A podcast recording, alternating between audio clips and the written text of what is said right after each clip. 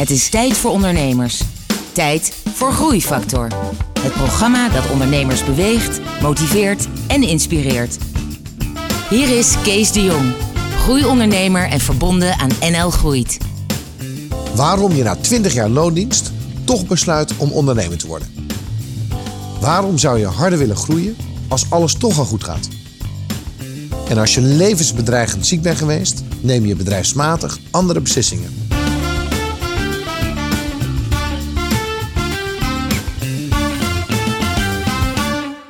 Welkom bij een nieuwe aflevering van Groeifactor. Uh, vandaag heb ik een gesprek met Erik Wetsels. Uh, Erik, jij bent van poly Polyfluor, Birikap en Hazelvlon. Ja. En dat uh, klinkt heel technisch en ingewikkeld. En dat zal het waarschijnlijk ook wel zijn. Nou, dat valt wel mee. Wat, wat, wat, wat, wat zijn jouw bedrijven? Wat, wat, wat, wat doet jouw bedrijf? Nou, mijn, mijn, de belangrijkste activiteit is Polyfluor Plastics. En dat is een, een leverancier van fluor kunststofproducten.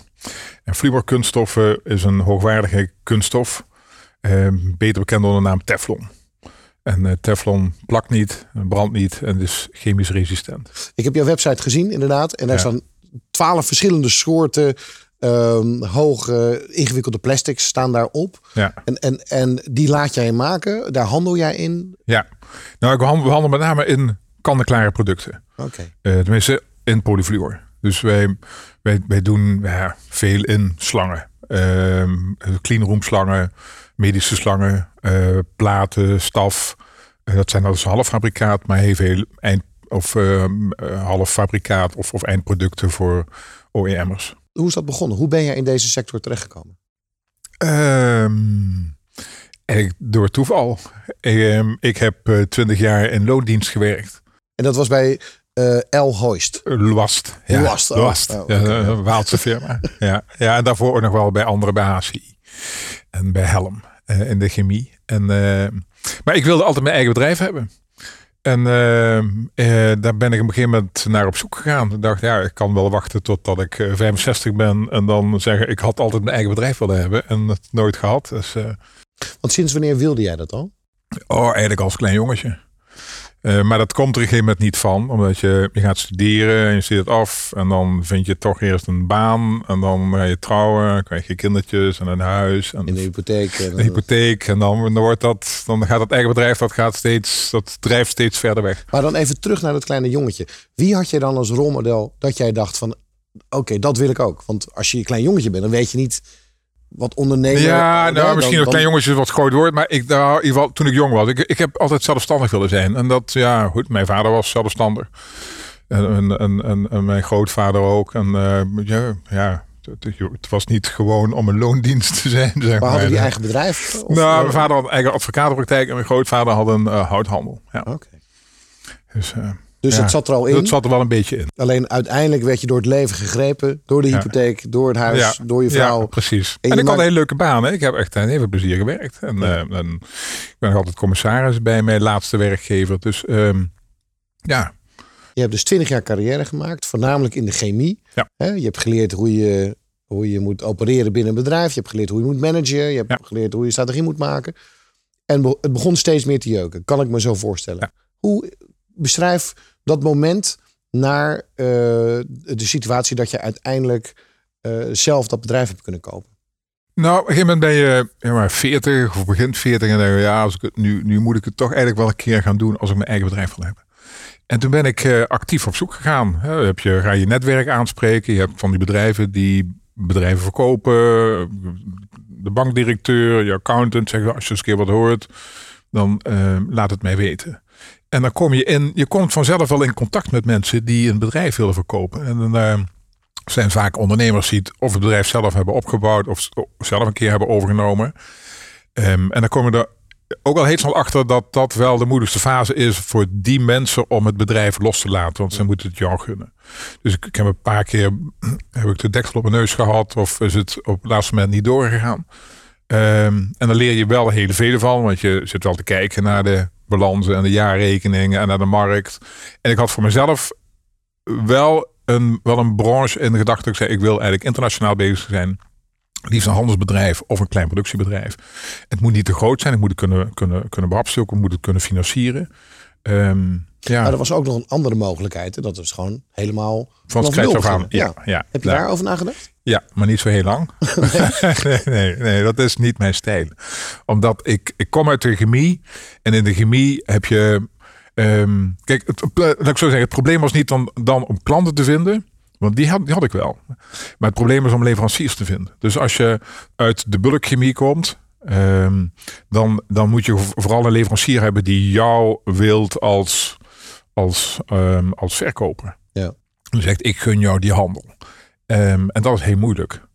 Uh, want, want die hebben al hun verkoopkanalen. Ja, en, dus. en, jij hebt in principe niks nieuws te brengen. Behalve nee, dan precies. het feit dat je hem kent. Ja, dat je die, klopt. Ja. Dus dat, dat, ja, dat, dat, dat had gekund. Maar dan had ik tegen iemand aan moeten lopen en gezegd... wil jij nou mij gaan vertegenwoordigen op de Nederlandse, Belgische of Europese markt? Je moet straks nog maar wat meer vertellen over hoe die handel... of die, die bedrijfstak in elkaar zit. Want ik denk dat nou, ik zelf en ik denk ook veel luisteraars... niet precies weten hoe dat deel van de industrie nou precies uh, werkt. Maar ik wil nog even terug naar hoe jij dan dat bedrijf hebt gevonden wat het uiteindelijk werd. En dat was Polyfluor. Dat is Polyfluor. Ja. ja. Hoe ging dat? Dat ging, nou, ik zat en zit nog steeds in een, uh, in een clubje van mannen. Ja, maar een sigarenclub. Hoewel ik inmiddels een non-smoking member ben. Ja, maar, uh, maar, we komen een paar keer per jaar bij elkaar. Uh, en dan uh, wordt van over alles gediscussieerd. Over, over politiek, over de actualiteit. En er wordt gegeten, er wordt een sigaartje gerookt, een flesje wijn opgetrokken. Um, en op een gegeven moment zei een van die deelnemers dat hij zijn bedrijf wil, wil, eigenlijk wel wilde verkopen, maar niet wist aan wie. En, en nou goed, toen, toen ja, heb ik hem aangesproken. Want dan moeten wij misschien eens een keer gaan praten. En hij had een bedrijfje, notabene, in de woonplaats waar, uh, waar, waar ik woonde, in, uh, in Oosterhout. En besloot je toen al het, het alleen te doen of met een partner?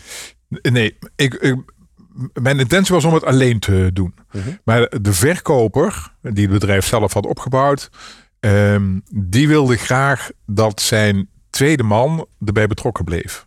En zijn tweede man die had, nou, had gezegd van ja, ik wil het bedrijf eigenlijk niet overnemen. Dat is niet mijn ding. Nee.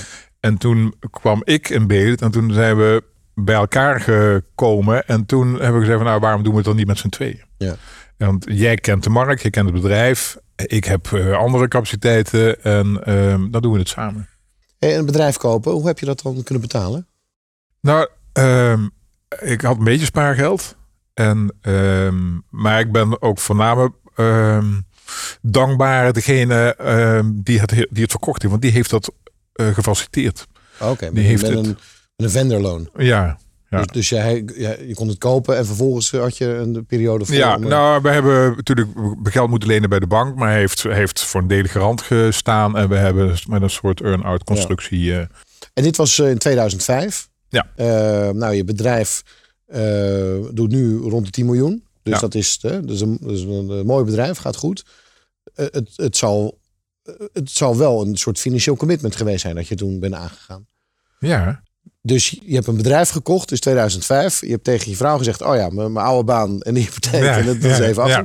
Toen was je, en dat vinden de luisteraars ook leuk, gewoon echt ondernemer. Met andere woorden, voor eigen rekening en risico. Als het toen mis zou gaan, dan hing je er ook in. Nee, denk erin. Nee, ik heb. Uh... Hoe voelde dat toen je de eerste keer naar je bedrijf Ja, dat is natuurlijk heel spannend. Want ik heb, nou, ik had natuurlijk een, ik had een hele mooie corporate baan. Ik was uh, uh, directeur van, van de Nederlandse verkoopmaatschappij. Een, een, een mooie auto ja. onder mijn kont en, en, een, en een goed salaris en een pensioenvoorziening. Dus ik heb ongeveer de helft van mijn salaris ingeleverd. Um, wel zitten kijken van ja, oké, okay, wat kan ik nog de vaste lasten betalen? Um, ik ben in een oude auto gaan rijden. Um, en ja, en, en toen zijn we heel hard gaan trekken aan dat bedrijf. Want het is maar een heel klein bedrijf. Maar, maar, maar stiekem is dat wel heel stoer wat je hebt gedaan. Ja, achteraf. Want het was eigenlijk wel een all or nothing. Want anders was je zo'n oude, hè, met je dikke auto had je gewoon ja. doorgereden. En dan was je 56. En als ze gezegd, nou misschien, uh, dan had je niks. Dus nu ben je verantwoordelijk voor je. Ja, maar dat was een keuze. Ja, een hele bewuste keuze. Ja, maar een stoere, wel een stoere keuze. Ja, maar ik heb er geen dag spijt van gehad. Maar toch, dus de helft van je salaris, oude auto en je ging naar kantoor. Maar uiteindelijk, ja. uiteindelijk ben je dan ook de man. Uiteindelijk moet jij dan. Ja, precies. Uh, precies. Wat, wat ja, maar, ja dan, maar dat gaat heel erg snel. Hè? Dus uh, tenminste, in mijn geval vond ik. Uh, je, je, leert de producten kennen, je gaat je leveranciers bezoeken, je gaat klanten bezoeken. het was maar een heel klein team. We waren met, met mij erbij met zes mensen. Ja. Um, um, we hadden één hele grote klant. Um, Ehm, ja, dus daar ga, je, daar ga je mee aan de slag. En, en, en wat ik vooral deed, was nieuwe klanten zoeken, nieuwe leveranciers zoeken. Ja. We zeiden, uh, ons, ons adagium was, we zijn zo klein en de wereld is zo groot, we kunnen alleen maar groeien. Ja. En dat hebben we eigenlijk vastgehouden. Ja. Nu, uh, nu was de wereld vanaf 2008 in een, uh, in een crisis. Ja. Uh, gold het ook voor jouw bedrijfstak? Nee. Nee, nee ja, het gold wel voor mijn bedrijfstak, maar niet voor mijn bedrijf. Um, ik, um, toen ik het bedrijf overnam, toen wij het bedrijf overnamen, Michel en ik, toen um, hadden we één hele grote klant die ongeveer de helft van de omzet deed. Van die 3 miljoen euro, dit is anderhalf miljoen. Dat deden we met een onderdeel van Johnson Johnson. En in 2006 of begin 2007 volgens mij, toen, zij, toen zijn die uh, zijn Johnson Johnson en Guidance zijn samengegaan. Het zijn twee enorme uh, grote Amerikaanse concerns. En die zeiden nou dat bedrijf in Groningen en Rode dat uh, dat gaan we verplaatsen naar Puerto Rico. Dus wij raakten onze grootste klant kwijt. En dan ben je ongeveer de helft van je omzet kwijt. Dus er was wel even paniek in de tent. En wanneer, hoe, hoeveel jaar was dat nadat je was begonnen? Eén jaar. Okay. Dus toen hebben we even alle zeilen moeten bijzetten. Ik wist wel dat we natuurlijk een hele grote klant hadden. Mhm. En dat was natuurlijk ook een punt van discussie tijdens de overnamegesprekken. Ja. Want eh, ik zei tegen, tegen, tegen de verkoper, tegen Hans, Hans, je hebt al één hele grote klant. Ja, dat weet ik, maar die is al 25 jaar klant. En ja. uh, die blijft klant en een hele goede relatie mee. Dat, dat, uh, dus geen reden om aan te nemen dat dat verandert. Maar ja, dat veranderde dus wel. En uh, ja, het dus, ja, dan is er even wat beetje paniek. Um, en maar we hebben dat eigenlijk bij, bij jezelf, bij mezelf, bij jouw bank. Ja, nou, ik weet, de bank heeft dan niet zozeer eh, niet zo van gemerkt. Bij, maar bij, bij, bij, bij, mijn, bij mijn compagnon, bij mijn medewerker. En we hebben eigenlijk heel snel gezegd, nou, dan moeten we enorm aan de bak. Nu gaan we op alle deuren kloppen en bonken waarvan we weten dat ze het met Teflon producten gebruiken. Dus we hebben dan een verkoper bijgenomen. En toen, uh, en toen zijn we eigenlijk vrij snel weer gaan groeien. Dus uh, ja. Was dat achteraf misschien juist dan wel iets heel goeds? Dat ja, je dan een natuurlijk. andere dynamiek kreeg. Ja. In plaats van dat je soort van meeging met de beweging van die grote klant. Moest je nu wel we moesten, een proactieve salesstrategie gaan, ja, uh, gaan moesten gaan omzetten. En dat heeft ons ook geholpen, want daarna brak de crisis uit, zeg maar. En de, de eerste maanden van de crisis, toen al half Nederland of half Europa een rep en roer was, hadden wij, we hadden in het begin nog zoiets van, crisis, welke crisis, daar merken wij niks van. Want de omzet liep gewoon door, de orders kwamen binnen. Ja. En eh, volgens mij in 2009, het eerste kwartaal 2009, toen stokte het bij ons ook. In 2009 stokte het. Ja. Vrijwel... Eigenlijk voor de tweede keer. Ja. De eerste keer was met die grote klant. Ja. En toen de tweede, de tweede keer. was het uh, naar aanleiding van de crisis. Um, wij leveren aan vrijwel alle industrietakken uh, de medische industrie, de automotive, machinebouw, uh, food, feed, pharma, halfgeleiders. Dus wij hadden aanvankelijk het idee van, nou, die crisis die gaat misschien een beetje aan ons voorbij. Uh, hoop. En in 2009, begin 2009, toen, toen uh, stopte het vrij dramatisch. Toen kwamen er op een bijna geen opdrachten meer binnen. Dat is dusdanig dat we een soort uh, dat we een arbeidstijdverkorting hebben aangevraagd bij het ministerie van Sociale Zaken, die we ook hebben gekregen voor drie maanden. Um, en en uh, goed, we hebben toen ons we hebben uh, heel hard gewerkt. Um, heel veel offertes gemaakt, klanten blijven bezoeken, nieuwe klanten ge, geprobeerd te zoeken en ook wel gevonden. En eigenlijk al na vier, vijf maanden ging die, ging die omzet weer omhoog. En, um, en, en 2009 hebben wij ook uh, heel goed afgesloten. Okay. Um, dus dat maar, was een, het eerste kwartaal was, was echt dramatisch. Was gewoon echt slecht. En dit is dan ook gek, hè? Want dan valt de omzet stil. En net zoals de eerste keer lijkt het erop dat je dan pas wakker wordt. Want nou, toen zijn we heel hard gaan werken. Ja. En toen zijn we weer gaan groeien. Ja. En dit is wel grappig. Want waarom ben je sowieso niet hard gaan werken?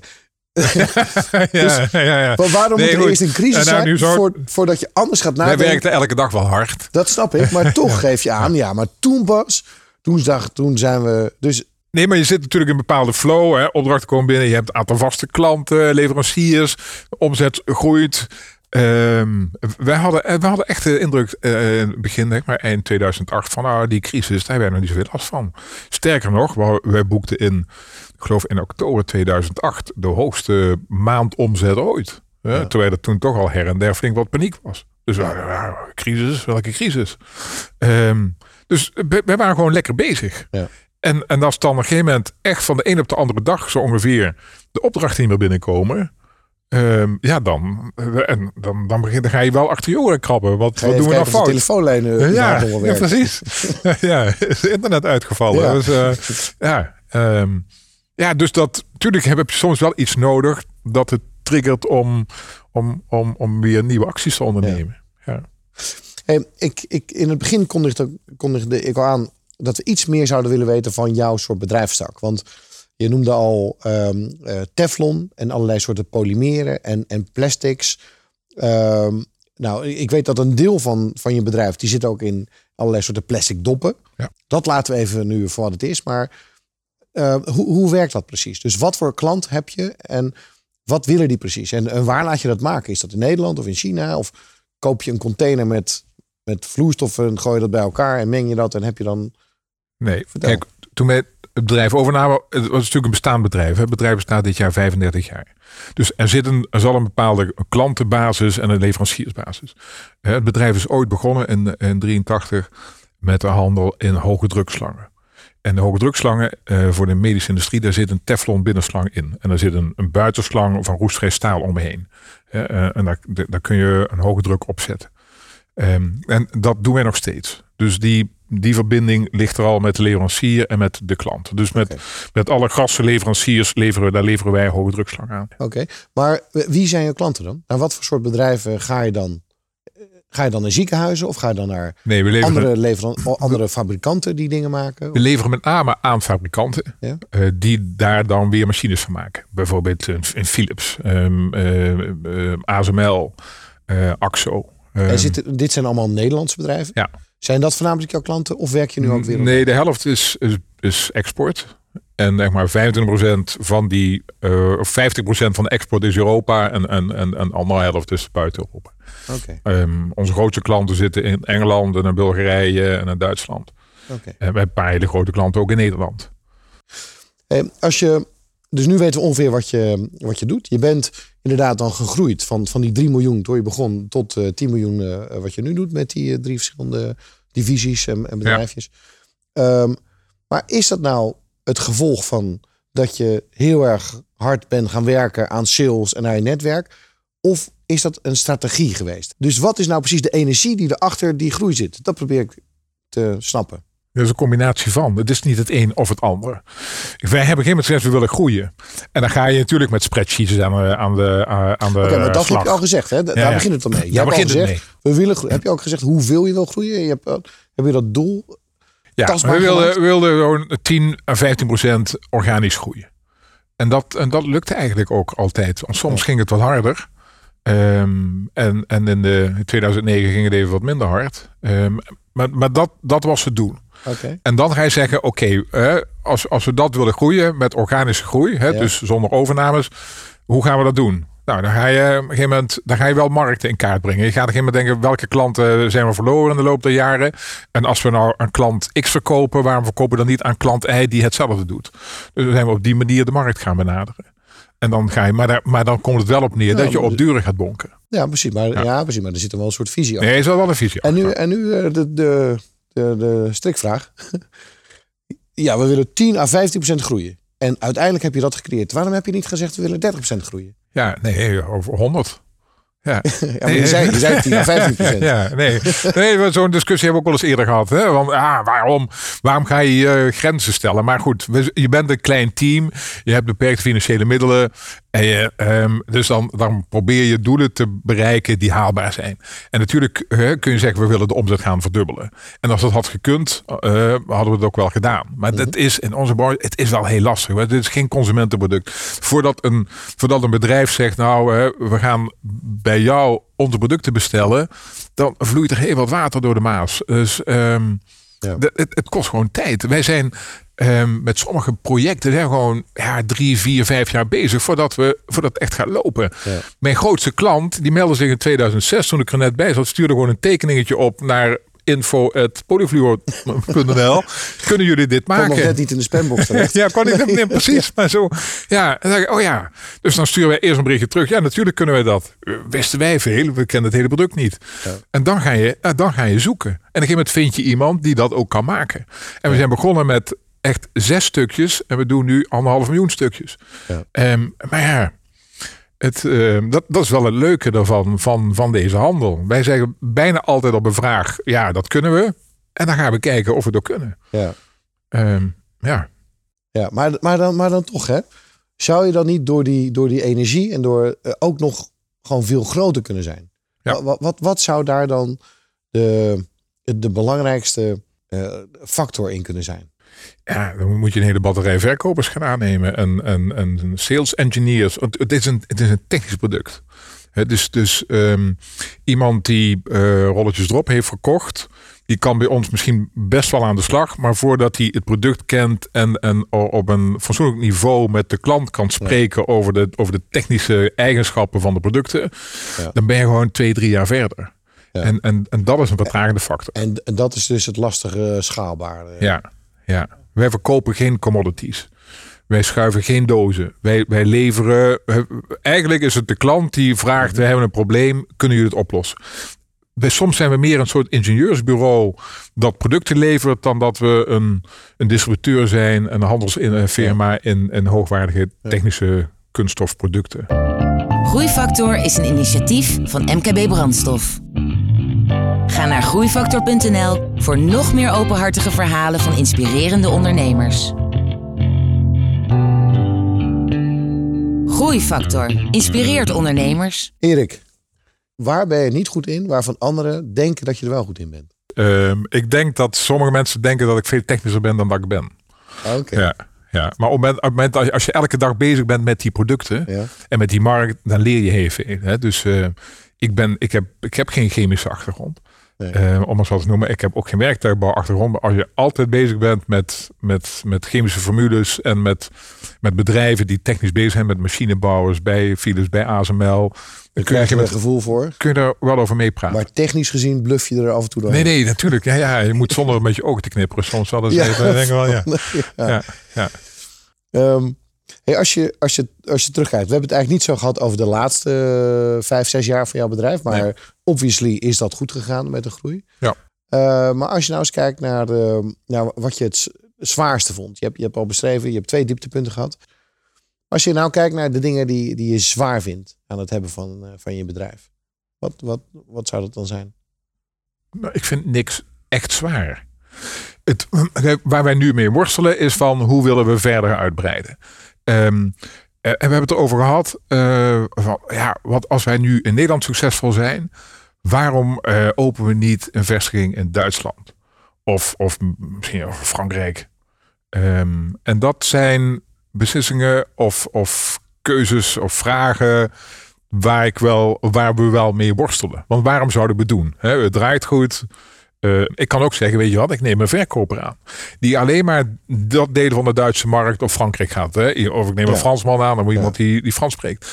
Uh, dus de, de, de, de, mate of uh, hoe je het gaat invullen, dat is eigenlijk meer de vraag. Ja. Niet zozeer of we de markt willen pakken. Nee, maar nee, um, oké, okay, dus die ambitie heb je dus al wel. Je hebt al wel uitgesproken, oké, okay, die 10 miljoen is eigenlijk te klein, hè? dat was een beetje oefenen. We willen eigenlijk ja. naar de 100. Ja, eigenlijk wel. Hey, en, uh, en, en inmiddels, um, je hebt toen die grote auto moeten opgeven en je comfortabele. Ik neem aan dat er weer een grote auto staat. Hè? Want ja. het is. Het is ja. dus, dus op dat gebied uh, gaat het ook goed. Ja. Dus. dus uh, en dat is misschien dan terug naar de, ons, ons laatste punt. Waardoor het misschien wel een beetje weer te comfortabel wordt. Ja. Um... Want in 2009 ben je zo hard gaan werken. Ja, je werkt al hard, hè? iedereen werkt hard. Maar omdat het opeens een soort van minder. Uh, het werd minder comfortabel. Die, die, die omzet die viel weg. Dus het moest. En, dat is, en, en nu gaat het weer eigenlijk te makkelijk. Ja, er speelt ook wat heel persoonlijks mee dat ik een aantal jaar geleden kanker heb gehad. En, ehm, en als je ehm, dan elke paar maanden weer onder een scan ligt om te kijken of het terugkomt, dan ga je toch andere beslissingen nemen. En dat speelt natuurlijk ook wel mee. Maar heeft het dan ook jouw, jouw blik op uh, werken versus uh, leven veranderd? Dat je, dat je hebt gezegd, oké, ik, ik ga niet meer 80 uur werken of ik ga... Ja. Heeft dat effect? Ik werk wel minder. Maar dat, ook omdat ik wat fysiek uh, is het ook zwaar. Mhm. en, en, je, en je levert gewoon echt in. Echt een enorm zware operatie onderga je en de chemo. En, um, dus, dus daarna ben je gewoon, je bent sneller moe. Dus, ehm, ehm, maar afgezien daarvan, want je kunt prima ondernemen, ook, ook als je geen 60 uur in de week werkt, ga je wel andere vragen stellen. Van ja, uh, en dan kom je toch bij die vragen van, wil ik dat nu? Welk risico loop ik? Wat schiet ik ermee op? Ja. Um, en nu want, snap ik ook die. Want, want, want ja. steeds vraag stel je vraag. Stel dat ik over één, twee of drie jaar te horen krijg dat het, dat het toch is teruggekomen. Ja. Um, en dat is de. Ja, dat maakt het wel eens lastig. Ja. Hoe, hoe ging dat tijdens dat je dat uh, kreeg? Hoe, hoe had dat effect op, uh, op je werk en op de zaken en op je omgeving en op je. Um, ja, kijk, het, het voordeel is dat je met een compagnon bent en dat we hele goede werknemers hebben. Ehm, en, en dat ik niet zo heel operationeel ben. Want ik ben altijd bezig geweest met nieuwe producten, nieuwe projecten, een ehm, aantal grote klanten. Bij key account, ik spreek met talen goed, vind ik ook leuk. Maar die, dat, die kunnen ook wel even doorsudderen zonder dat ik daar continu mee bezig ben. Ja. Dus het, het heeft met name effect dat je dat zeg maar een stukje business development waar je mee bezig bent, dat dat stil komt te liggen. Maar ja, eh, ik heb ook in het ziekenhuis met e-mails gelezen en uh, beantwoord. Dus dat, uh, ja. dat gaat gewoon door. En, uh, tijdens mijn chemo ging ik ook gewoon naar kantoor. Dus daar had ik gelukkig niet zoveel last van. Maar het heeft dus wel effect gehad op inderdaad hoe je je toekomst ziet en hoe ambitieus je verder bent. Ja. Ehm, ja. En wat doe, je, wat doe je naast je bedrijf? Heb je nog interessante manieren om jezelf ja. af te leiden? Ja, ik ben politiek actief. voor de VVD? Eh, voor de VVD. Ja, Dat is een gok. ja, ja. nee, ik ben, in, in Oosterhout? Of, uh, in nee, ik ben vicevoorzitter van, de, van het hoofdbestuur. Ik ben uh, afgelopen half jaar... Uh, van het hoofdbestuur van de VVD? Van de VVD. Ja, maar dan ben je een, een prominent. Nou, dat, nee, dat valt er mee. Ik heb, ben een half jaar voorzitter geweest toen meneer Keizer aftrad. Okay. Dus heb ik de honneurs mogen, mogen waarnemen. En dat kan je naast uh, je bedrijf, eh, kan je dat... Uh, ja. Waarom doe je dat eigenlijk? ja, ik ben al vanaf, dat was zelf vanaf klein jongetje politiek actief. Dus dat, dat, heb ik niet van huis uit meegekregen, maar politiek is mijn passie. Ja, daar kan ik niks aan doen. Oké, maar, maar daar zit ook, waarom? Waarom is dat, wil je iets veranderen? Wil je opkomen voor degene, voor de ondernemers bijvoorbeeld? Nou, ja, niet zozeer voor ondernemers. Ik, nee, ik, ik ben ondernemer omdat ik liberaal ben. Zo zie ik dat zelf. Omdat ik die drang naar zelfstandigheid en je, je eigen je verantwoordelijkheid voor je eigen leven nemen, dat is voor mij essentieel. En, um, en ik, ik vind ook of, uh, dat, dat iedereen dus, dat zou moeten doen. Hè? Uh, of je, uh, maar daar hoef je geen ondernemer voor te zijn. Maar dat je maximaal je talenten benut. En die ontplooit en die inzet, maar ook voor anderen. Ik bedoel, liberaal betekent niet dat je niet sociaal bent. Maar het betekent wel dat je uitgaat van de kracht van de mensen. Um, ja. Maar was dat dan ook uiteindelijk... Dat hielp bij jouw keuze om uiteindelijk ondernemer te worden. Na die twintig jaar corporate ja, ja. Zeg maar, ontwikkeling. Toen dacht je bij jezelf, maar ik kan niet dit vinden en dan dit doen. Nee, precies. Dat zat achter. Ja, ja. Grappig. en ook stoer dat je het hebt gedaan. Ja. Dat ook bij de VVD kunnen stoppen. En, uh... ja, ja, ja, ja, Nee, nee, nee, nee, nee. Maar goed, ik heb nooit, ik heb, ik heb nooit, ik heb nooit in een vertegenwoordigend lichaam gezeten. Ik ben geen Kamerlid geweest of raadslid of zo. Dus, eh. nee, nee, maar toch. Ik vind het altijd, vind het altijd leuker geweest om achter de schermen ja. dingen te regelen. Met maar het, hoofdbestuur, dat is wel een, uh, een, een intense zeg maar, functie, kan ik me voorstellen. Nou, het afgelopen half jaar toen ik die waarnemend voorzitter was, dat was wel heel intensief. Maar ja, ook bier interessant. Gewoon heel leuk. Ja, ja ik ben toch de sparringpartner uh, op partijniveau van de minister-president. Erik, doe je nog iets aan sport? Ik fiets graag naar mijn werk. Dus niet op een racefiets of zo, maar gewoon fietsen. En um, één, keer in de week ga ik zwemmen. En ik tennis één keer in de week met een stel vrienden. En dat Nou, het is gewoon lekker. actief. Ja, en ik ben actief. Maar het is niet eh, heel intensief. Ik, ben niet, eh, ik doe geen marathon of zo. Of eh, ga niet naar een sportschool. Dat soort dingen. Maar dat uh, Het houdt je fit en, hou me fit. en gezond. Ja, gewoon een lange wandelingen in de weekenden. Heerlijk. Ja. En wat is jouw favoriete vakantie? Waar ga je dan naartoe? Ehm, ik, ik vind wintersport altijd heerlijk. En ja, afgelopen jaren hebben we een paar mooie reizen gemaakt met de kinderen naar eh, Amerika. En, en afgelopen kerstmis zijn we naar Guatemala geweest. Eh, ook om daar een project te bezoeken waar ik eh, steun aan geef. En ja, fantastisch. Dat is, Wat voor project is dat? van Niños de Guatemala. Dat is een Nederlandse stichting die bouwt. eh, eh, die heeft een school gebouwd in Guatemala, in Antigua. En die onderhouden ze nu met een, ehm, met een, met een hotel. Ze hebben een hotel gebouwd in Antigua. En de opbrengst van dat hotel worden gebruikt om de school te onderhouden. En ze hebben ook een drijvend hotel. Dat heeft een jaar in Amsterdam gelegen. Maar dat ligt nu in Londen. Ze hebben een oude gevangenboot gekocht. Nou, Ooit nog de Rita Verdonk eh, aangeschaft, maar nooit gebruikt. En die hebben ze omgebouwd tot een hotel. En dat is een drijvend hotel. En Het heet eh, Good Hotel. Dat kan ik van harte aanbevelen. Good Hotel in Londen en Good Hotel in Antigua. En het is een social enterprise. Dus dat, waarmee je dus goed doet om ook goed te blijven doen. Dus je geeft mensen niet alleen eh, vis, maar oh, een en, hengel. een hengel, nou, maar eigenlijk ook de apparatuur om een hengel te maken. Dus eh, het gaat gewoon echt heel diep van... Jongens, je moet je eigen broek op kunnen houden. En in Antigua eh, of in Guatemala, wa- wat heb je doen? Heb je gewoon bekeken wat er Nee, met ik jou... heb, eh, ja, ik heb er gekeken. Ik heb een financiële ondersteuning en, en ik, ik denk wel eens mee met ze. En dat vind ik leuk en interessant. Ja. Erik, we zijn aan het eind eh, eh, van het gesprek. En dan proberen we toch nog een soort inzichten even te creëren voor andere ondernemers waar ze iets aan, eh, aan kunnen hebben. Ehm, oh, waardoor zij beter, makkelijker, sneller zouden kunnen ondernemen. Ehm, de wereld is zo groot. En, en ja, zelfs bij een groot bedrijf heb je altijd maar een deel van de markt. Dus je, je, kunt, je kunt altijd groeien. En als dat, dat je mindset is, is dat ook veel makkelijker om dat te verwezenlijken. Ja. Ehm, Nou, dat is een, de mooie eerste. Wil je nog naar een tweede? Of, eh, Nou, dat die ehm, dat, dat, dat ehm, ook grote veranderingen met, eh, met kleine stapjes begint. En dat hou ik ook, ook mijn mensen altijd voor. Elke dag proberen net iets beter te doen dan dat je het gisteren hebt gedaan. Probeer ik zelf ook. En dat lukt niet altijd. Maar dat zijn, eh, ja, hoef ik geen grote stappen te zetten. en, en- en wat doe jij dan precies? Iedere dag een beetje beter. Want eh, ik hoor deze vaker. Sterker nog, Pieter Ja. Zwart van Coolblue. Dat is zijn eh, adagium.